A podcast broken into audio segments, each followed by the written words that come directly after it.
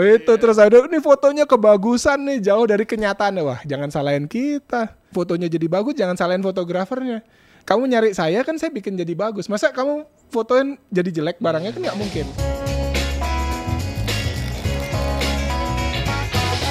Oke, kembali lagi di Main Podcast. Hari ini kita akan ngobrolin eh, seputaran fotografi. Ya, Betul. jadi hari ini kita sudah kedatangan eh, tamu. Beliau ini adalah eh, salah satu maestro foto juga di Indonesia. Ya, kita kenalan dulu. Ini adalah kalau saya manggilnya Bligong Ade biasanya. Coba nama lengkapnya siapa sih di sini? Ada datanya sih sebenarnya namanya Ana Agung Made Dewandra Jelante. ya betul itu nama panjang Nama panjang. Iya, kalau di paspor itu paling ke keisi cuma sampai Dewandranya aja belakangnya hilang. Tapi kok ada juga yang saya baca ada nama Reinhardt itu beda Ya lagi. Reinhardt itu sebenarnya nama saya lebih panjang lagi ada ada Reinhardtnya dulu di tengah setelah Dewandra, Reinhardt terus baru Jelantik. Oke. Kalau Reinhardt tuh kok namanya kayak bule ya? Itu mama kan nenek Belanda. Oh gitu. Jadi ada Sayangnya ininya nggak sampai ke aku eh, gantengnya jadi coba. Kita hari ini ngobrolin foto ya, Bli. Ya. Oke, saya tuh dulu pertama kali mengenal Dewandra ini waktu saya masih kuliah. 2007 ya? 2007, 2007 2007 pertama kali eh, ketemu dengan Dewandra itu karena diajakin teman-teman grup grup foto gitu ya. Ya. Waktu Waktu, itu, itu- kita hunting bareng ya kayaknya. ya, ya. waktu Terus itu hunting, trennya hunting-hunting ini dulu FN.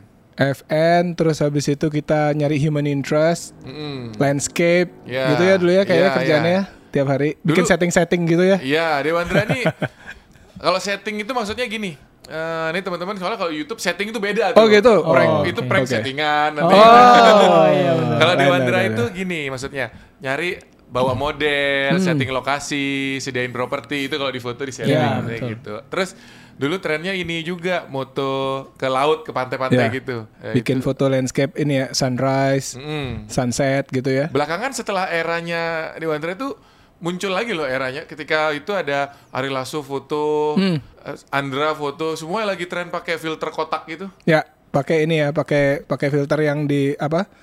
Eh pakai gradual Andy yang Iya, gitu-gitu tuh kan. Ya, waktu zamannya Dewandra dulu 2007 nggak pakai gitu deh kayaknya. Eh, nggak kebeli aja sih waktu itu. belum belum belum trennya waktu itu, belum Belum. tren. Udah udah. Sebenarnya untuk kerja waktu itu kita udah pakai mereknya mereknya Kokang eh, atau Cokin gitu ya kalau orang Ah, betul, betul. biasanya itu eh, dipakai buat ini orang-orang yang mau eh, foto landscape. Mm-mm. Kadang-kadang juga dipakai buat gradual Andy itu ya untuk kalau biar langitnya tetap langitnya lebih gelap terus bawahnya tetap terang. Nah, itu biasanya kita pakai filter-filter itu atau Pakai pakai PL ya juga. Dulu kan war, war- ah, bentuknya kotak dulu. Hmm, PL juga gitu dulu apa pol- eh, polarizer dulu juga bentuknya kotak Bukannya gitu. bulat yang bisa diputar-putar Itu circular. Tapi ada juga yang kotak. Tapi yang awal kotak terus sama lama mereka bikin yang circular polarizer yang dibilang CPL sama orang sekarang tuh. CPL, filter CPL. Ah, Iya, iya, iya. Oke, kita Gitu. ini dulu kali ya. Eh, kenalan dulu ya kan penontonnya mungkin ada yang belum kenal Dewandra. Ya. Kalau Dewandra ini fotografer, Eh, commercial hospitality kalau orang bilang. Saya ngerjainnya itu hotel, eh, restoran, makanan, terus habis itu apa namanya lifestyle yang ada hubungannya semua dengan industri pariwisata dan hospitality. Oh. dengan Oke. pariwisata dan alirannya apa biasanya? Apa itu bisa masuk ke fashion, Interior bisa juga. masuk ke interior, bisa masuk Food. ke food, betul food photography juga. Ya eh, alirannya lebar sih sebenarnya, cuma memang eh, kita lebih ke ranah hospitality. Oke. Hospitality itu apa ayo? Iya itu ramah tamah kayak hotel. Ramah tamah hotel. Iya kan nyambut tamu Eh, gitu. bukan bukan hanya rumah sakit, maksudnya orang kadang-kadang hospitality bilang itu ini ya eh, motor rumah sakit. Eh, Bener, iya, bener. Iya juga Saya waktu pertama kali dengar kata hospitality juga nggak paham saya. Iya, iya. Saya pikir rumah sakit. Ternyata kok kerjanya gini? Oh ini maksudnya ramah tamah, maksudnya Betul. dunia perhotelan dia. Betul, betul, betul. Gitu. Jadi itu ya tadi teman-teman Dewandra ini motret mulai dari interior hotel, eksterior hotel, terus eh, food ya sampai fashion juga ya. Ya karena eh, kalau hotel juga kadang-kadang kan motretnya juga motret orangnya, jadi li- lifestyle yang ada di hotel itu, jadi orang jalan, orang menikmati hotelnya, itu kan juga itu masuk ke konsep fashion juga sedikit, karena bajunya juga harus tata yang eh, biar masuk ke dengan konsep hotelnya gitu. Nah itu salah satu eh, karakternya Dewandra kalau foto gitu, Iya. diperhatikan detail sampai pakaian apa semua ya. Harus attention to detailnya harus tinggi, itu yang buat kita beda dari yang lain. Oke, nah nanti kita ngobrol itu ya. Eh, beda dari yang lain. kan kalau foto itu kan banyak. Maksudnya Iya. pelaku Genrenya. fotografer itu banyak gitu. Betul. Misalnya contoh kayak wedding, sekarang fotografer wedding banyak. Hmm. Kalau eh, komersial ini banyak juga. Eh, sekarang tambah banyak, tapi memang komersial ini memang tidak terlalu bukan tidak terlalu dilirik karena memang dari sisi investasi juga eh, lumayan. Karena kita harus nyiapin eh, eh, nyiapin perangkatnya mungkin beda sama kalau kita wedding. Kalau wedding mungkin gearnya aja yang harus eh, cepat dan dan harus eh, mungkin beberapa lensa kita harus siapin. Tapi kalau eh, komersial apalagi yang hospitality yang kayak saya ini dia harus eh, sangat lengkap lightingnya terus habis itu lensa lensanya juga beda terus perala- peralatan tambahan juga beda-beda ya maksudnya dibandingkan sama wedding wedding mungkin pergi dengan satu tas gendong aja Backpack udah gitu? satu backpack aja udah selesai tapi kalau ini harus bawa koper harus bawa eh, lighting ekstra dan segala macam Koper itu isinya apa? Li? ada lighting biasanya kalau aku nih aku eh, tergantung ya kalau di Denpasar aku bisa bawa lighting lebih banyak jadi bisa lebih cepat lah selesai jadi aku bawa bisa sampai 4 lighting bawa empat empat titik lampu gitu Ini ini kita kalau foto apa nih? Interior misalkan. Interior, eh, pokoknya hotel Ah, itu kan biasanya aku datang ada eh, hotel tuh biasanya mereka mintanya eh, interior eksterior terus habis itu sama eh, facility ya. Ya, Oke. jadi facility. Nah, itu apa yang harus diambil.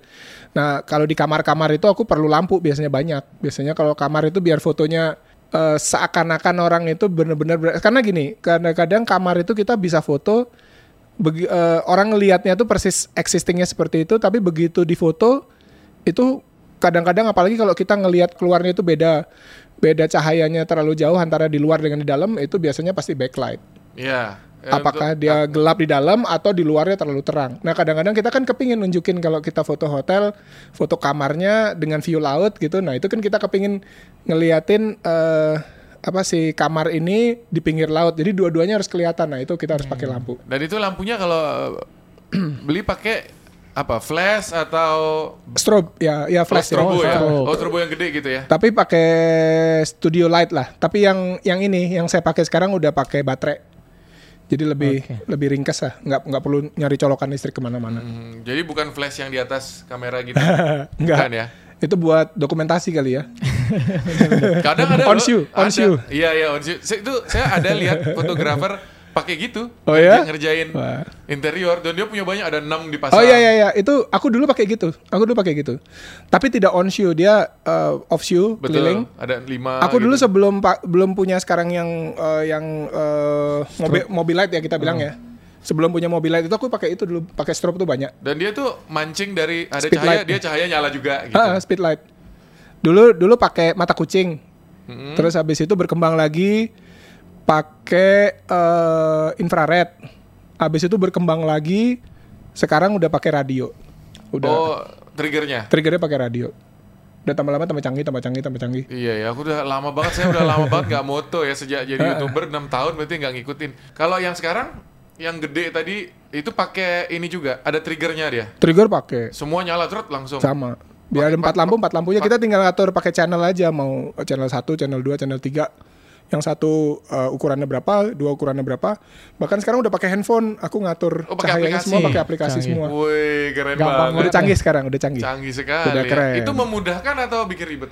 Oh mudahin banget. Aku bisa dulu misalnya aku baru bawa asisten 4, sekarang 2, 1 kadang-kadang udah cukup. Karena yang ke mau komen yang di ujung sana gitu. Jadi aku nggak perlu harus ke sana lari untuk ngecilin atau besarin. Jadi aku bisa dari dari aplikasi aja aku ganti oh ini kayaknya kekencengan kurangin dikit. Yang di sana kekencengan kurangin dikit. Oh sini kurang naikin. Gitu. Gampang banget itu. Berarti lebih gampang sekarang. Jauh. Bahkan nih, bahkan semenjak sekarang teknologi udah segini canggih, kamera sensornya makin besar, aku bisa dapat uh, dynamic range dari uh, foto itu yang jauh lebih besar, jauh lebih lebar. Jadi kalau misalnya kayak kemarin uh, foto yang kayak tadi aku cerita kamar dengan view, kadang-kadang aku pakai satu lampu aja udah selesai.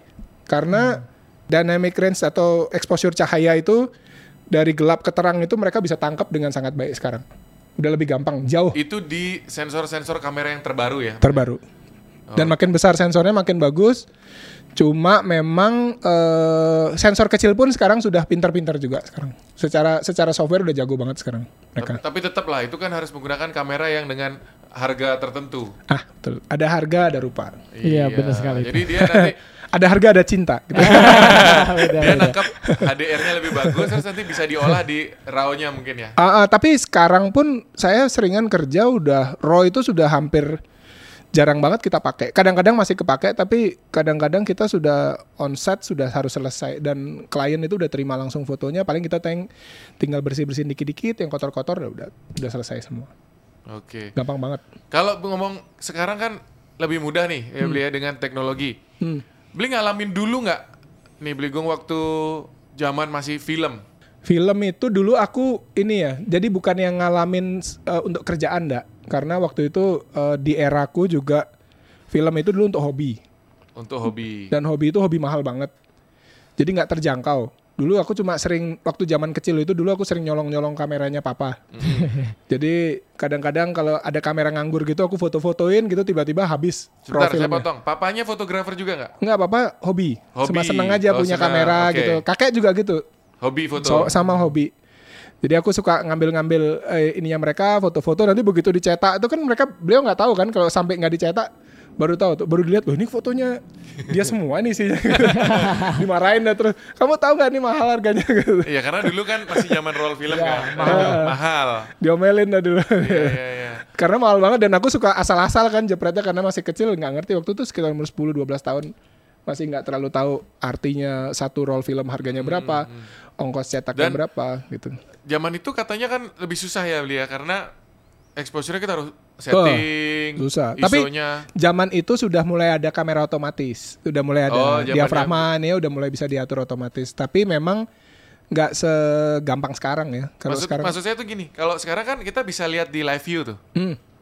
Geser-geser shutternya. sekarang dulu nggak bisa lah. Dulu kan nggak bisa. Nggak Jadi nggak kan orang harus paham betul gitu. betul, betul, Shutternya masuk berapa, dia harus tahu Hmm. diafragmanya. Kalau sekarang kan jauh lebih enak. betul. Wah sekarang ini gampang banget, dan makanya sekarang itu kalau ada orang masih memikirkan masalah teknis, itu kasihan kalau menurut saya. Karena beberapa orang masih sangat meng- menghitung teknis eh, fotografi. Memang memang penting untuk tahu dulu ya. Hmm.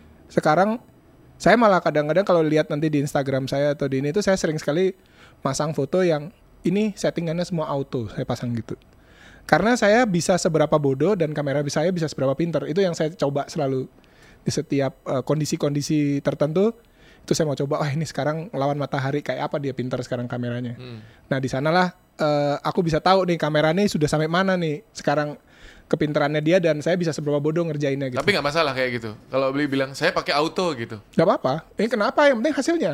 Oh, soalnya kalau Hmm. dari pihak lain yang eh, terutama lulusan Hmm.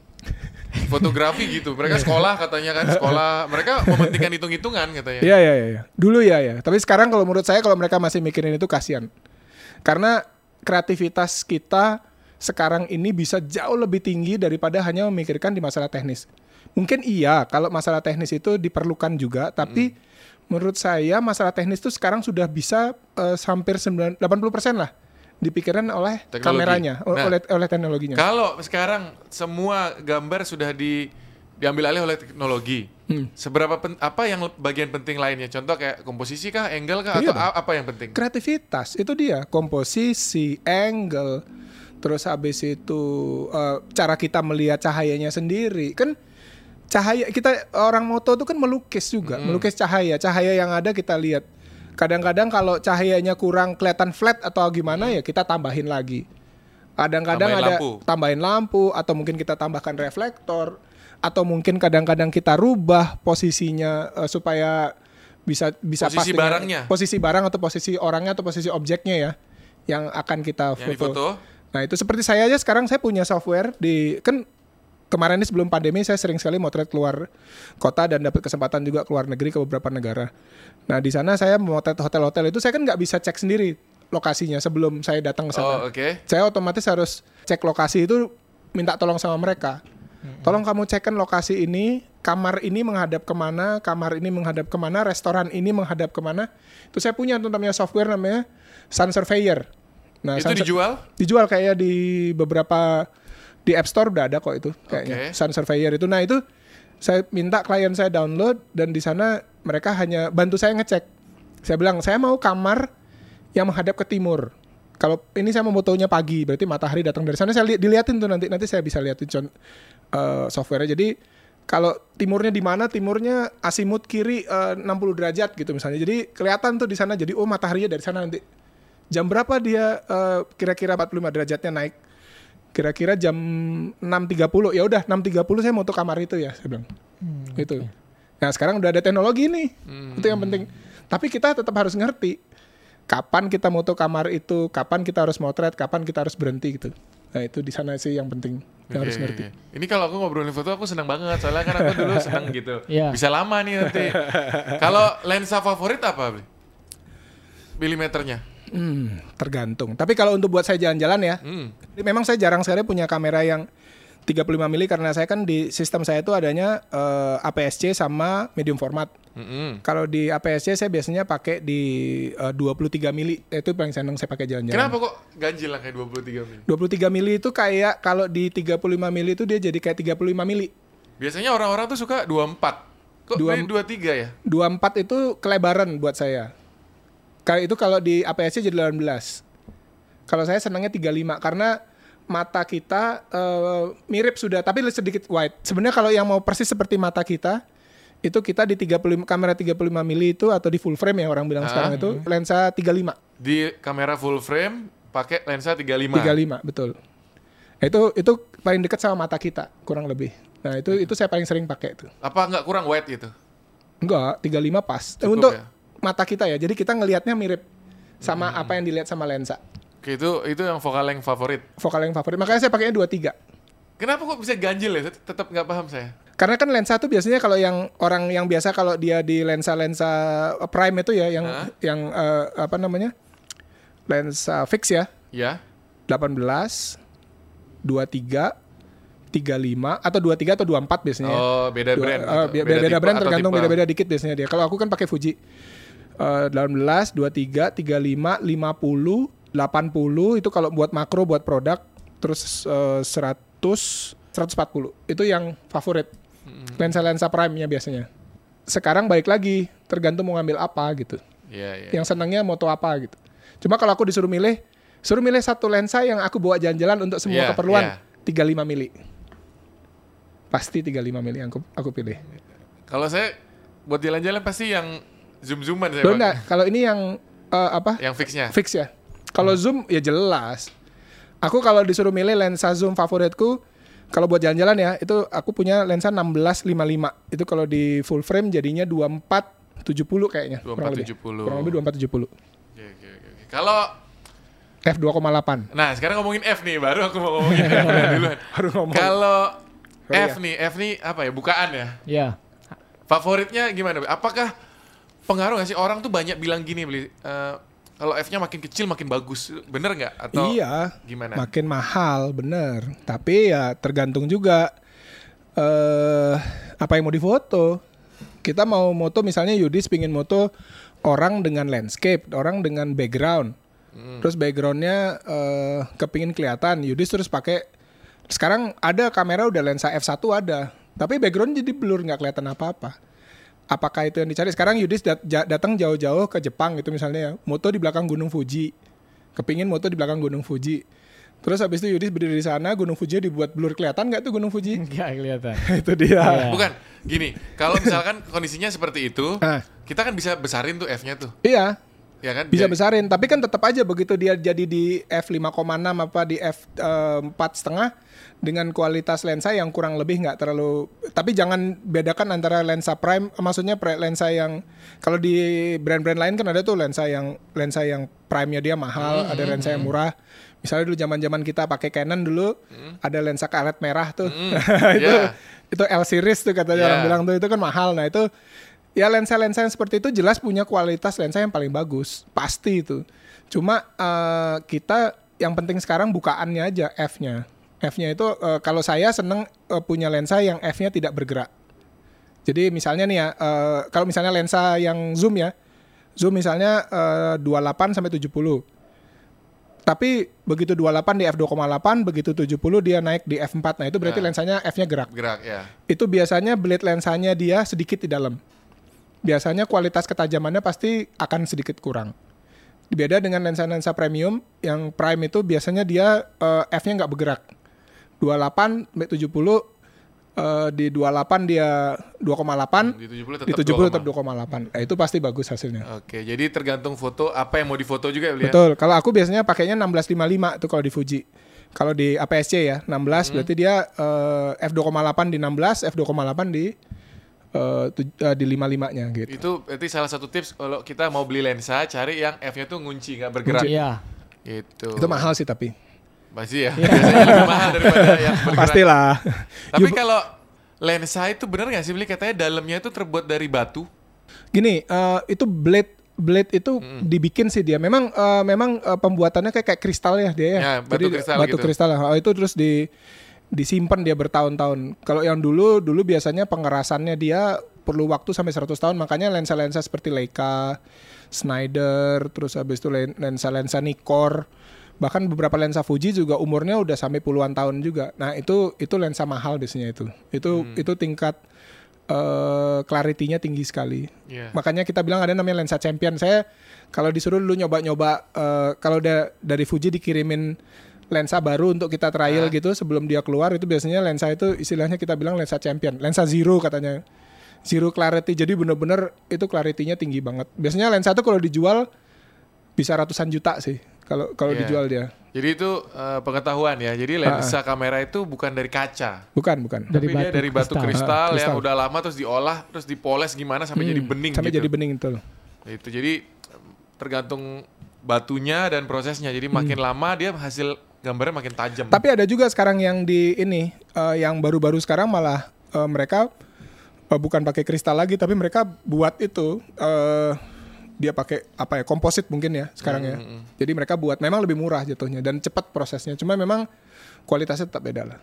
Kualitasnya beda. kualitasnya Tetap beda. bisa Cuma memang biasanya kadang-kadang karena teknologi software sekarang sudah pinter, lensanya dia nggak bagus tapi eh, softwarenya membantu dia untuk mengur- mengurangi. Misalnya nih ya kualitas lensa yang nggak bagus itu ada ininya purple fringing kita bilang nama istilahnya tuh ya. Ada di pinggir-pinggirnya itu ada ungu-ungu gitu biasanya dia. Kalau kita foto itu dia ada eh, di pojok-pojok itu ada ungu-ungunya itu. Nah itu biasanya kualitas lensa yang kurang bagus.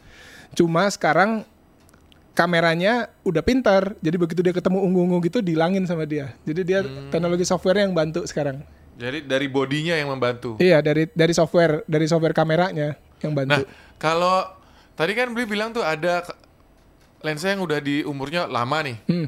Berarti eh, secara otomatis lensa-lensa tua tuh pasti bagus. uh lensa tua-tua tuh luar biasa Pasti bagus ya? pasti bagus asal nggak jamuran ya Iya, Iya. kalau misalkan dengan perawatan ya, berarti oh bagus. iya pasti bagus banget Berani dikejar ya itu. ya? Oh itu bisa buat koleksi itu. Beberapa teman-teman kalau kita ke Jepang itu kita kejarnya lensa.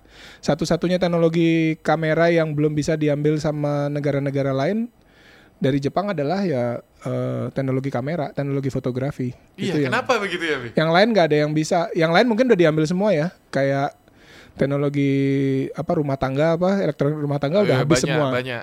udah habis terus habis itu teknologi apa namanya kendaraan juga Ya. kayaknya udah diambil juga Ah. banyak ya yang masih belum bisa ngambil mereka ya teknologi kamera makanya Jepang sangat sangat memproteksi sekali nih mereka eh, tentang teknologi fotografi atau kameranya Hampir semua brand-brandnya itu dari Jepang ya, Bli? betul betul Itu. Olympus itu kan kalau medical equipment yang untuk eh, visual ya istilahnya visual medical equipment Olympus masih keren banget Bikin Fujifilm ini, juga Bikin apa namanya? mi- mikroskop Mikroskop. Heeh.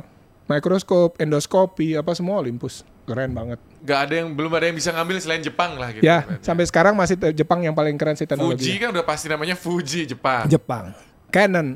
Jepang. Ah, Nikon Nikon Jepang. Nikon Jepang Sony, juga? Heeh, Sony Jepang. Sony udah pasti Wah, Jepang. gila. Iya. Leica, Leica mungkin iya, tapi teknologi banyak kan juga dari dari Panasonic datangnya. Oke, jadi Ya kalau kan? Leica tuh bukan Jepang. Leica Jerman tapi beberapa dia kayak kayak bareng gitu sama ini sama Panasonic. Dan bahkan sekarang beberapa mobile phone malah sekarang sama Huawei kan udah. Mhm. Kayaknya. Nah, balik lagi ya coba ya. Kalau tadi kan kita ngomongin F lensa, kalau Eh, APS-C dan full frame itu seberapa ngefeknya, Bli? Saya eh, terus terang nih ya, kemarin saya kan nyoba nih, nyoba saya eh, testing ya, karena saya saya di endorse sama salah satu brand, saya nyoba. Saya kalau sama full frame, saya nggak terlalu bisa bedain dari kualitasnya. Bahkan saya cenderung lebih seneng pakai APS-C kalau saya kerja. Misalnya gini ya, F f1,2 di APS-C sama f1,2 di full frame.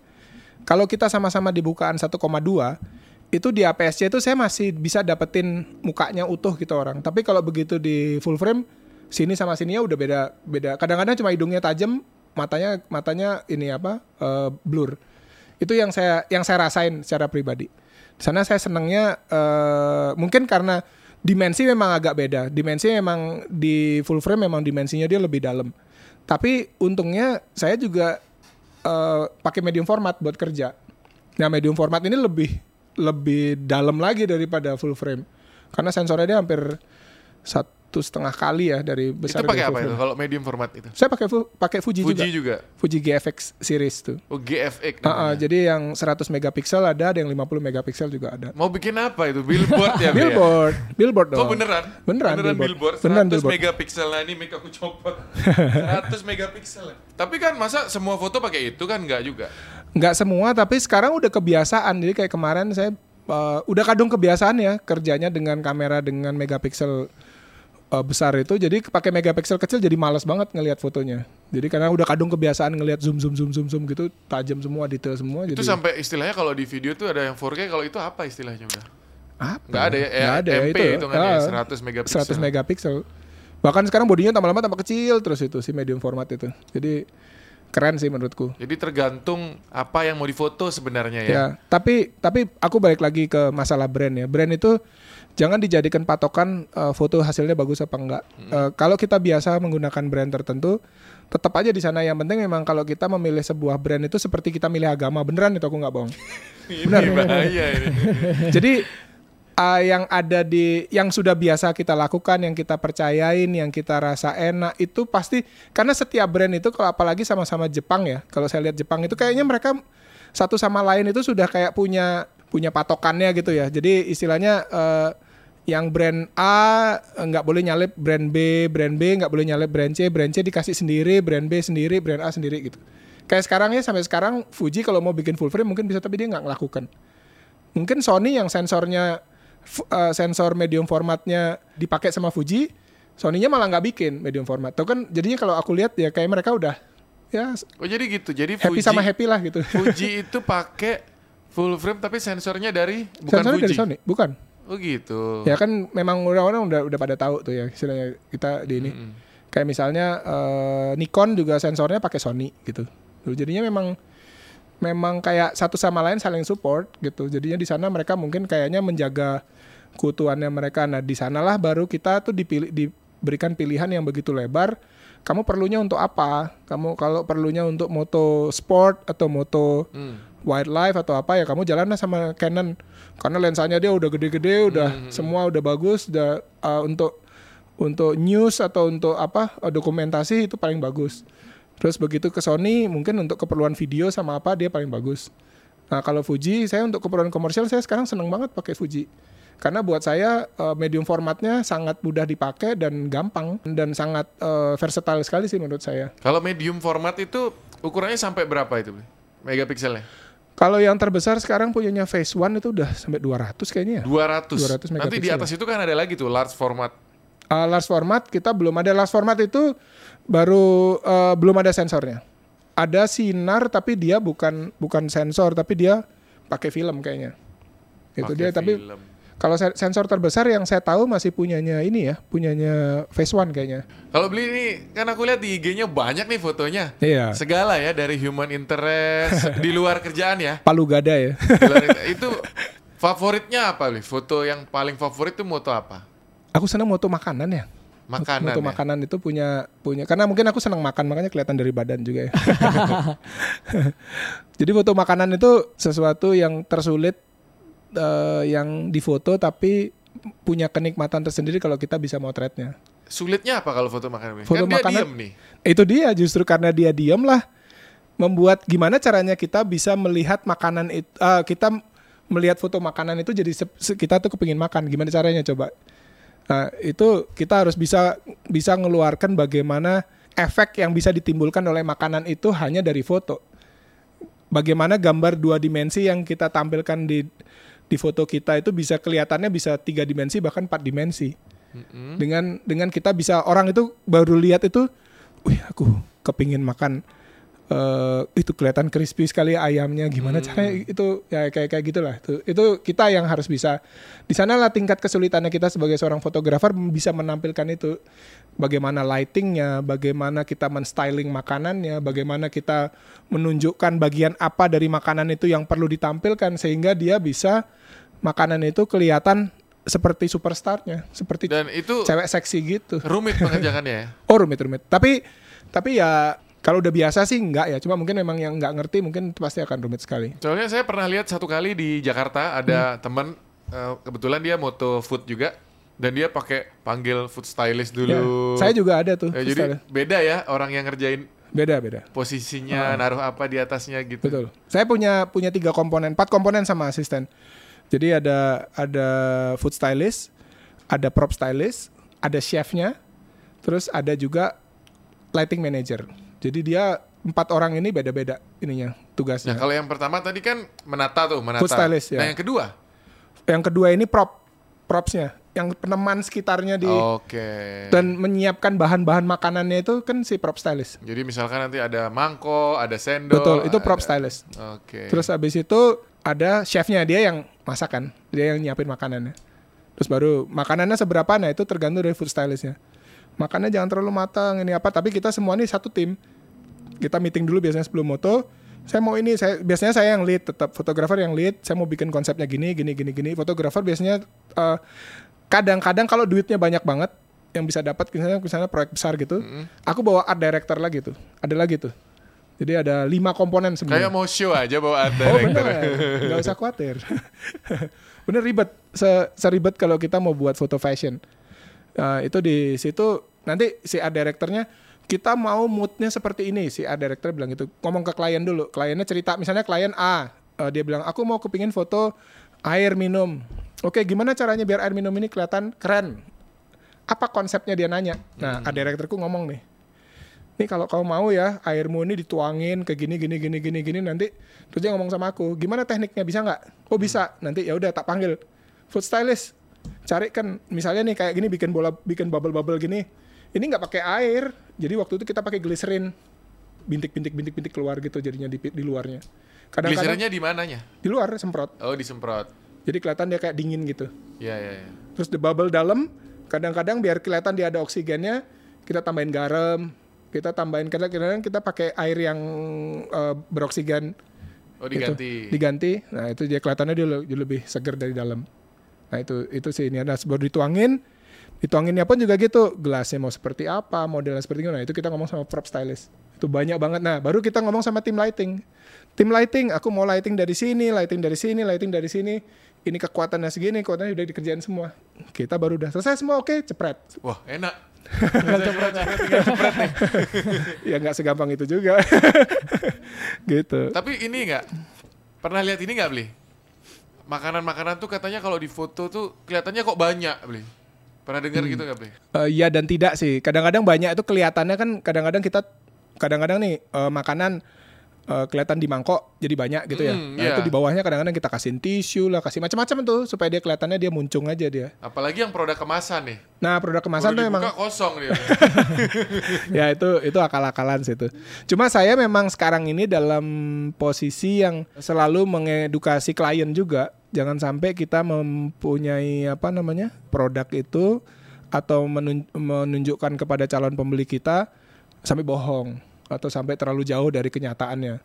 Nah di sana kita juga eh, pelan-pelan ngajarin mereka ya, terutama untuk yang urusan gourmet ya. Maksudnya gourmet itu kan gourmet food itu beda sama industri ya. Kalau industri itu kadang-kadang emang jauh banget Iya, industri jauh ya. Tapi kalau yang gourmet itu yang eh, artisan, yang apa Iya, itu iya, ja- jangan terlalu jauh dari aslinya karena orang akan akan kesel banget kalau begitu datangnya lah begini aja ke Iya, restoran gitu ya.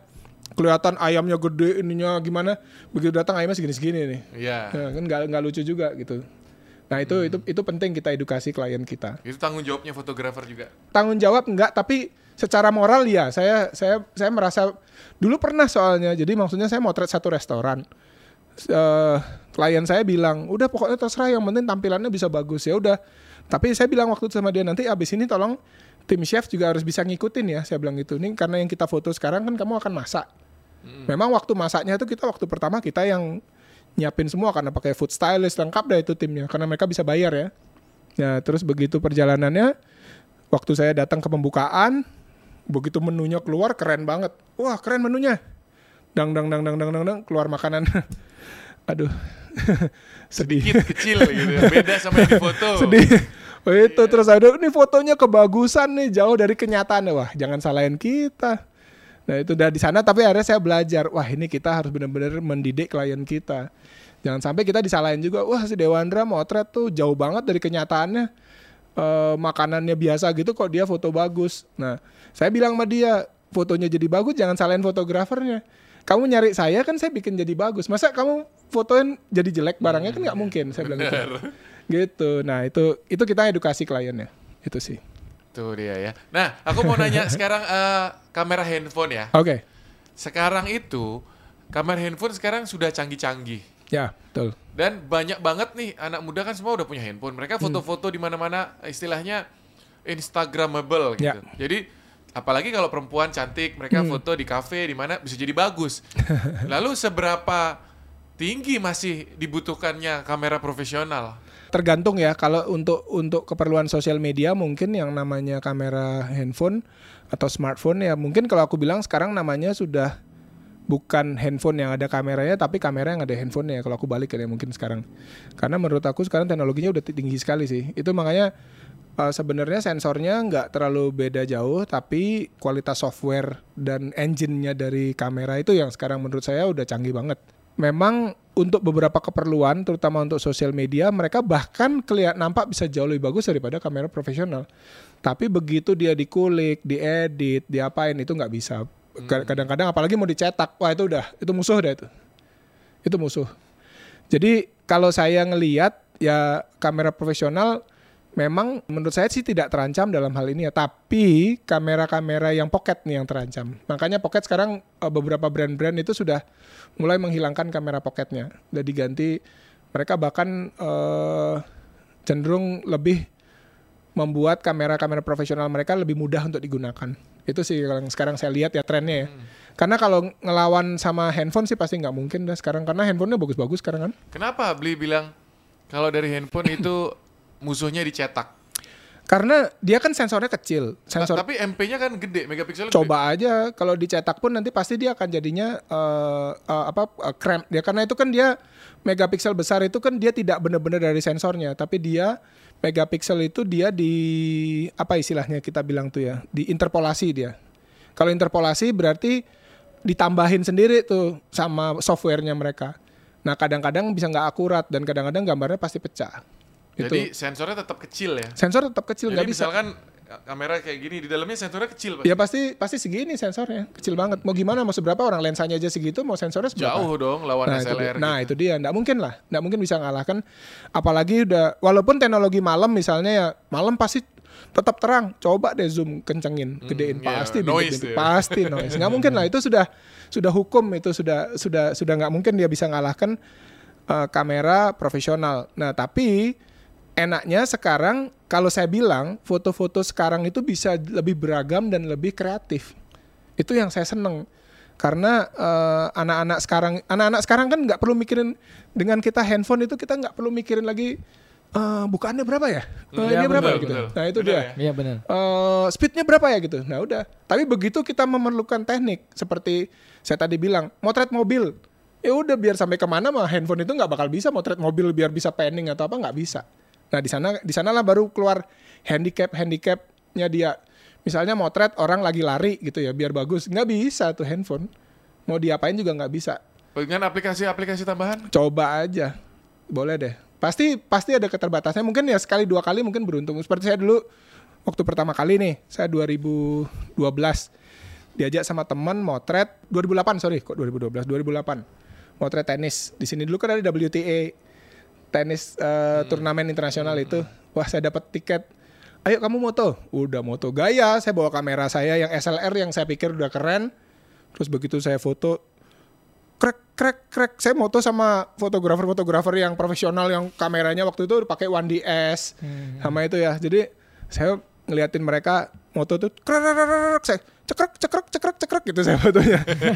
Terus itu begitu begitu ini saya bilang saya liatin teman-teman itu, eh kalau foto gini apanya yang harus dicek? Kalau bisa kamu dapetin waktu dia mau mukul bolanya sama raketnya dapat. Oh itu keren gitu dia bilang. Itu itu foto juara gitu dia. bilang. Oh oke kayaknya gampang deh itu gitu. Bisa. Udah. Cet. Pok kita mukul. Wah kayak dapat cekrek. Baru tak lihat dapetnya cuma raket doang. Bolanya udah nggak tahu di mana. Terus habis itu nyoba lagi. Eh, foto lagi. Uh kayaknya dapat nih. Krek krek krek pas tak ini dapat. Taunya bolanya lonjong gini bentuknya. Karena nggak bisa freeze Nge- Ngeblur dia. ngeblur karena isonya nggak nyampe gitu. Nah di sana terus aku akhirnya mikir, waduh ini kayaknya emang kameranya nggak bisa bohong. Terus baru aku tanyain mereka coba lihat fotomu dong tadi saya liatin yang teman-teman yang fotografer yang emang lensanya segede-gede bagong f2,8 lensa segini seberapa harganya coba pikir. Sedangkan punya aku pakai waktu itu pakai 100 400 f-nya 5,6 nggak dapat itu. Pasti speednya turun kan dia. Apalagi dulu kamera dulu kan ISO 800 aja udah noise. Sedangkan mereka ISO 800 masih bagus kalau dengan kamera yang Meskipun besar-besar. siang hari? Enggak, waktu itu malam. Kalau Oh, yang partai-partai gitu kan pasti malam-malam mereka mulainya. Nah, di sana lah pingsan kita. Kalau yang siang mana ada yang mau main? kan enggak ada naik. Walaupun mereka pakai lampu semua ya, lampunya banyak. Hmm. Tapi tetap aja nggak kita kita nggak ngangkat. Nah, baru aku lihat foto-foto mereka tuh, wah bisa apa muka ekspresi petenisnya, bolanya utuh ke situ kelihatan. Terus pas raketnya ini kelihatan di ujung itu. Wah, itu baru aku tahu tuh. Wah, ternyata teknologinya memang beda. Memang artinya memang selain skill dan pengetahuan, gear juga berpengaruh. Oh iya, iya, iya, iya, betul. Berpengaruh sekali. Itu ya. Kalau sekarang anak-anak juga hobi moto nih. Sementara belum. Yang paling kecil kayaknya seneng si Meru. Yang nomor tiga. Kakaknya nggak. Walaupun tak aja berapa kali dia bantuin aku motret, tapi ya si Deon eh, dia belum belum belum inilah eh, nggak terlalu interest di sana. Jadi Ya. selain Gak food, apa-apa lah. tadi kan food, interior, landscape. Yang ini saya tertarik banget tuh yang Apa tuh? eh, suka foto-foto ini di alam, di desa-desa gitu. Ah, ah, human interest. Eh, eh, nanti boleh dong saya diajakin kapan-kapan. Oh, harus dong ikut dong. Apa namanya adat-adat di desa Iya, iya, gitu iya. yang ada rollnya Human gitu. interest ya. Dulu kita dulu itu ya. Iya. Pagi-pagi jalan jam setengah enam. Iya benar kalau dulu gitu. Coba ini Seru dong, banget. Wi. Ah. Eh, kasih tips terakhir ya buat teman-teman penonton Oke. yang mau jadi profesional fotografer tips atau yang baru belajar juga. Baru belajar ya. Ya. Jadi buat teman-teman yang memang hobi fotografi ataupun yang mau belajar untuk bisa eh, berprofesi atau menghobi fotografi, sekarang teknologi itu udah sangat canggih. Jadi nggak usah takut eh, bagaimana cara belajarnya. Sering-sering lihat foto bagus, terus eh, sering latihan. Dan yang paling penting harus bisa kreatif dan bisa menjadi diri sendiri. Jadi jangan terlalu banyak ikut-ikutan orang. Eh, be original, eh, be yourself. Itu aja. Nah, te- terakhir ya aku tanya mumpung tadi quotes-nya bagus sekali. Ya. Foto bagus versi Dewandra apa? Ah, foto bagus. Foto bagus itu foto yang menarik.